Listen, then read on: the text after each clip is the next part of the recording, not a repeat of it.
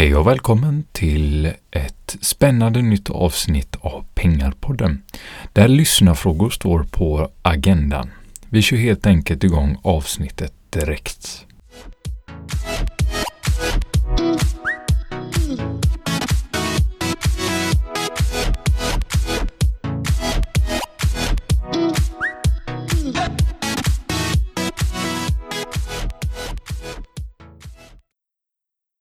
Första frågan kommer från Oskar ställt via Instagram direktmeddelande. Och frågan lyder så här. Hej, hur bör man värdera en aktie? Vilka parametrar? Hej Oskar, tack så mycket för din fråga. Det finns flera olika sätt och flera olika nyckeltal att värdera en aktie på. Det vanligaste nyckeltalet är P tal som står för Price Earning Alltså hur många gånger årsvinsten ett bolag värderas till. Genomsnittet på Stockholmsbörsen historiskt har varit P 14 eller 15. Och En del kollar även på PS-tal som är Price Sales. Man kan säga att det betyder hur många gånger omsättningen bolaget värderas till. PS-talet är alltså ett nyckeltal som visar en akties pris i relation till bolagets omsättning. Men P tal går inte att applicera på alla företag. Vi säger till exempel ett fastighetsbolag som säljer en av deras fastigheter och får en vinst som gör att vinsten ser jättehög ut. Men i själva verket kanske inte fastighetsbolaget säljer fastigheter så ofta. Så dessa, detta ses alltså som en engångseffekt. Men skulle du gå på P tal i detta fallet så skulle du säkert se eh, vara väldigt lågt på P talet med tanke på att vinsten ser väldigt hög ut om att du justerar för den engångseffekten i form av försäljningen av fastigheten. Här kanske du istället vill kolla på driftnettot eller förvaltningsresultatet som mått istället för P tal Man kan egentligen ta med hur många parametrar som helst i en värdering. Det beror på hur mycket tid och detaljerat du vill gå in på en verksamhet. Du kan till exempel värdera bolaget justerat för skatt, räntor och av och nedskrivningar och detta nyckeltalet heter ebitda. Du kan även använda dig av ebit som är ett företags vinst för skatt och räntor. Vill du även justera för eventuella skulder kan du använda EV ebit. Alltså EV är alltså lika med börsvärde plus nettoskuld. EV-ebit är således företagets värde dividerat med rörelseresultatet. Måttet säger egentligen hur mycket bolaget värderas i förhållande till rörelseresultatet justerat för skulder. Jag har en tanke att faktiskt göra ett helt avsnitt med detta, för det finns faktiskt en hel del att prata om detta och jag har endast gått igenom en bråkdel här. Så sammanfattningsvis, det vanligaste äh, är att använda till exempel P tal eller PS-tal för enklare analyser. Vissa använder som mått som äh, till exempel ebit eller ebitda. Eller vill du justera för eventuell skuldsättning så kan du köra EV, ebit. Så gäller för dig att hitta en process som du känner dig komfortabel med, där du väljer olika parametrar som är viktiga för dig. Tack så mycket för din fråga och du får helt enkelt se fram emot ett avsnitt längre fram som kan vara tillgängligt till detta ämne. Nästa fråga kommer från Tio som skriver Tja, jättebra podd. Vill bara säga att det vore intressant hur du tycker man ska spara och investera sina pengar som ung student med tanke på hyra och studentlån och så vidare. Ska man kanske vänta med att investera på börsen till efter studenttiden? Snedstreck 10. Hej Theo, tack så mycket för din fråga och kul att du gillar podden. Jag tycker absolut att om du har möjlighet att spara lite pengar varje månad, att du ska börja komma igång så att du lär dig grunderna och bygger upp en bra bas att stå på. När du sedan har studerat färdigt så har du byggt på dig en erfarenhet och kunskap inom sparande och investeringar som du kan ta med dig när du får ditt första arbete och en eventuell högre lön. Så desto tidigare du kan börja, desto bättre. Och du kanske tänker att det inte är värt att spara mindre summor. Men sanningen är den att man måste börja någonstans. Och den erfarenhet och kunskap du bygger upp är väldigt värdefull för framtiden. Och angående studielån så är det nog världens billigaste lån skulle jag nog säga. Och Detta är ingen uppmaning eller rekommendation till dig, men jag känner ett antal personer som har utnyttjat fullt ut studielån samtidigt som de bott hemma hos sina föräldrar. De har lagt undan dessa pengar varje månad och sparat dem. När de sedan har studerat klart så har de fått ihop till en kontantinsats till en lägenhet. Och så har de fått ett, väldigt, eh, eller ett välbetalt arbete som gör att de kan köpa sin första lägenhet direkt när de börjar arbeta. Jag vet även personer som har investerat sitt studielån i aktier varje månad som är månadssparande. Men det är viktigt att vara försiktig med belåning trots att räntan på studielånet är väldigt lågt. Alternativt om du har lätt för dig i skolan eller lite tid över mellan allt plugg ibland så kan du skaffa dig ett extrajobb för att dryga ut intäkterna så att du kan spara mer pengar eller varför inte ett sommarjobb kanske. Sammanfattningsvis, vänta inte med att börja spara och investera dina pengar. Utan börja nu direkt med små summor och lär dig. Bygg upp din grund så att när du får ditt första arbete så har du kunskapen om börsen på plats.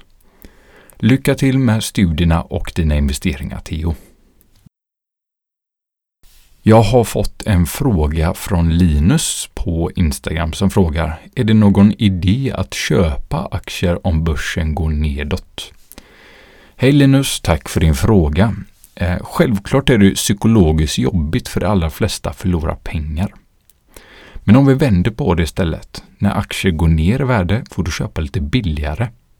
Därför skulle jag säga att det är viktigt att månadsspara där du regelbundet varje månad sparar pengar och köper aktier. Gör du detta under en längre period så kommer du köpa aktier vid många olika köptillfällen. Vilket gör att du får en bra genomsnittlig inköpskurs på längre sikt. Sedan kommer det antagligen vara att i de sämsta tiderna du kommer göra de bästa affärerna. Det är viktigt att komma ihåg det. Det kan kännas tungt när börsen går ner, men har du en lång tidshorisont så spara regelbundet varje månad är mitt bästa tips. Sedan gäller det att arbeta aktivt med din riskspridning och riskprofil. Arbetar du aktivt med detta, dessa saker så skapar du bättre förutsättningar för att lyckas på längre sikt. Lycka till med dina investeringar nu Linus! Nästa fråga kommer också från Instagram och den lyder så här. Jag tänkte lägga undan 15 000 kronor varje månad i ungefär ett år och tänkte ifall du har några rekommendationer kring vart man ska eh, investera dessa månadsvis. Hej och tack så mycket för att du ställer en fråga. Jag ger inga enskilda rekommendationer men Generellt skulle jag investera i 8 10 olika bolag inom spridda branscher. Och Det som jag nämnde lite tidigare, eh, och det är alltså att superviktigt att arbeta med sin riskprofil. Det finns inga snabba pengar utan att ta höga risker eller att ha tur. Så ha tålamod och var långsiktig. Det tar alltså tid med investeringar. Och Tid och avkastning är avgörande på längre sikt. Så arbeta med din risk för att inte ha så hög volatilitet i din portfölj. Det kan slå väldigt hårt så småningom, så lycka till nu. Nästa fråga kommer också från Instagram och frågan är följande. Tycker du jag borde vänta med att köpa aktier vid något bra tillfälle? Hej och tack så mycket för din fråga. Jag önskar att jag kunde ge dig eh, ett svar när perfekta tillfället är. Men det kan nog ingen egentligen. Man brukar säga att ett av de bästa tillfällena att investera var för många år sedan, men det näst bästa tillfället var igår. Så jag tror inte man ska försöka leta efter det perfekta tillfället att köpa aktier, för det är extremt svårt med timing.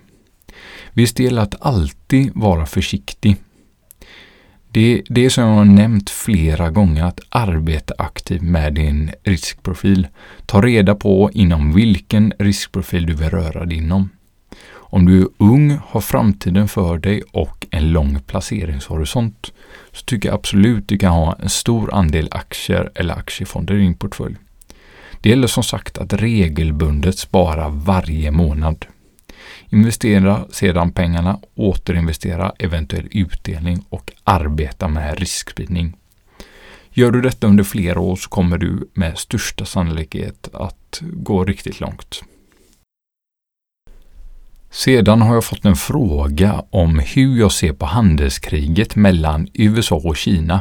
Hur påverkar detta bolag? Jo, handelskriget har ju pågått en tid och det är egentligen ingen som vinner på det. Handeln drabbas riktigt hårt av det och det har blivit en maktfaktor där de höjer varor som är viktiga för det andra landet, vilket gör att priserna stiger. Och det gör att det blir mindre handel av dessa varor. Vi får se vem som ger sig först, för detta kostar enormt mycket pengar för de båda länderna. Till exempel Apple har ju en del av sin produktion i Kina, så det bör påverka dem i allra högsta grad. Om priserna för produktion ökar så får antingen konsumenten ta smällen eller så kan det slå mot resultatet kortsiktigt. Men jag vet att en hel del företag flyttar sin produktion till andra länder, till exempel Thailand, Taiwan och så vidare. Så Apple kanske också hänger på på den fronten. Sedan tycker jag att eh, marknaden överreagerar en hel del ibland. Det, det är vad jag anser. Och det är ingen som vet hur länge detta kommer pågå och, hur, och i hur stom, stor omfattning detta kommer vara. Därför kan omöjligt någon värdera detta. Och det är därför det endast blir en spekulation egentligen. För enligt min egna uppfattning så finns det några olika scenarier här. Scenario 1 är att allt löser sig och börsen får ett lättnadsrally. Scenario 2, det drar ut på tiden, börsen fortsätter falla. Så det är egentligen 50-50 skulle jag säga. Det blir mer en gissning om hur utfallet kan bli. Och det är egentligen ingen som vet, inte ens Trump. För det är två parter som ska enas och bli nöjda. Så tack för din fråga. Hoppas du har fått bättre koll på handelskriget. Och jag har fått en fråga om hur jag ser på kryptovalutor. Och som jag skrivit tidigare på Instagram så tycker jag tekniken kring kryptovalutor är intressant. Men i övrigt är jag skeptisk och enligt min egen uppfattning så kan man ställa sig frågan vad värdet på en kryptovaluta verkligen är. Ett företags värde till exempel baseras på företagets tillgångar. Deras vinster ger en viss värdering som säger något om vad faktiskt företaget är värt.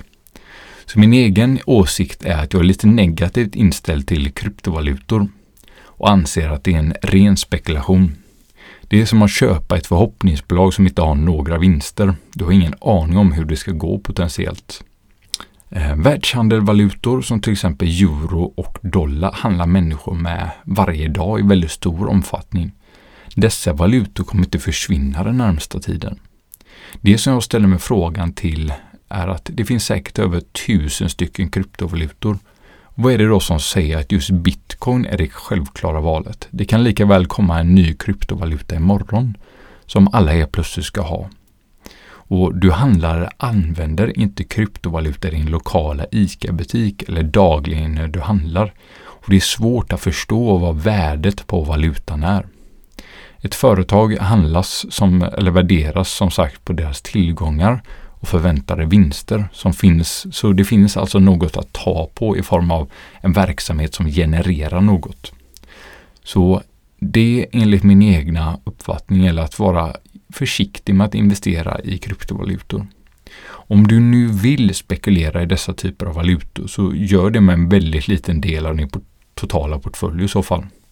För det är väldigt hög risk och likviditeten är säkerligen begränsad vilket gör att volatiliteten kan vara riktigt hög. Så hoppas du får fått lite perspektiv på mina tankar kring bitcoin. Då har vi fått en till fråga via Instagram som lyder så här. Hur ska man börja om man helt nybörjar och tycker aktier och fonder är lite läskiga? Hej och tack så mycket för din fråga. Jag skulle säga att detta är en rätt vanlig fråga och det är generellt sett många som är rädda för att förlora pengar. Men det finns självklart alltid en risk att du kan förlora pengar när du investerar i aktier och fonder. Men du förlorar även pengar om du inte investerar denna pengar. För inflationen ligger på cirka 2 Det innebär att dina pengar minskar i värde med 2% per år kan man säga. Och Det är viktigt då att investera dina pengar för att få dem att växa. Det finns också saker du kan göra för att minska riskerna i ditt sparande och dina investeringar. Så det jag skulle säga är att, de, att om du är helt nybörjare kan göra är att investera pengar du kan avvara en längre tid. För tiden är väldigt viktig. På kort sikt kan börsen svänga en hel del. Men på längre sikt brukar börsen gå upp och därför gäller det att du är långsiktig. Och Det är väldigt viktigt att du kan arbeta mycket med riskbildning för att just minimera risken att du ska förlora pengar långsiktigt. Jag kan göra en punktlista för dig som är nybörjare och vill komma igång. Nummer ett, investera pengar du kan avvara i minst 3-5 år. 2. Bygg sedan upp en basportfölj med billiga indexfonder.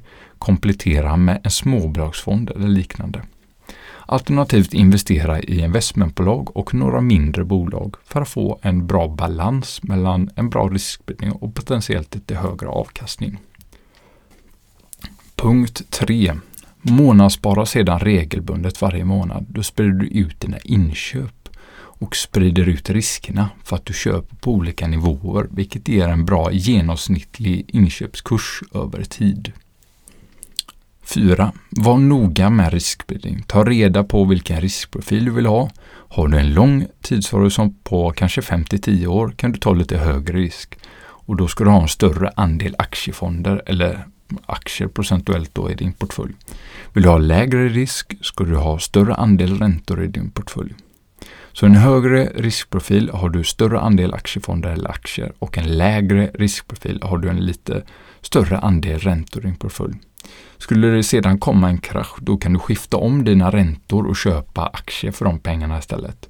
Det kommer förmodligen gynna dig väldigt mycket över tid. Nummer 5. Var långsiktig. Går börsen ner så fortsätt med ditt månadssparande. Det är de sämsta tiderna du antagligen kommer göra dina bästa affärer. Så se till att investera pengar du kan avvara och komma igång. Lycka till med investeringarna nu. Och det var faktiskt allt för dagens avsnitt. Jag hoppas att du uppskattade det och tog lärdom av några av frågorna. Vill du kontakta mig når du mig lättast på eh, mejlen kontakt pengarpodden.se eller pengarpodden på Instagram. Tack för att du lyssnade. Hej då!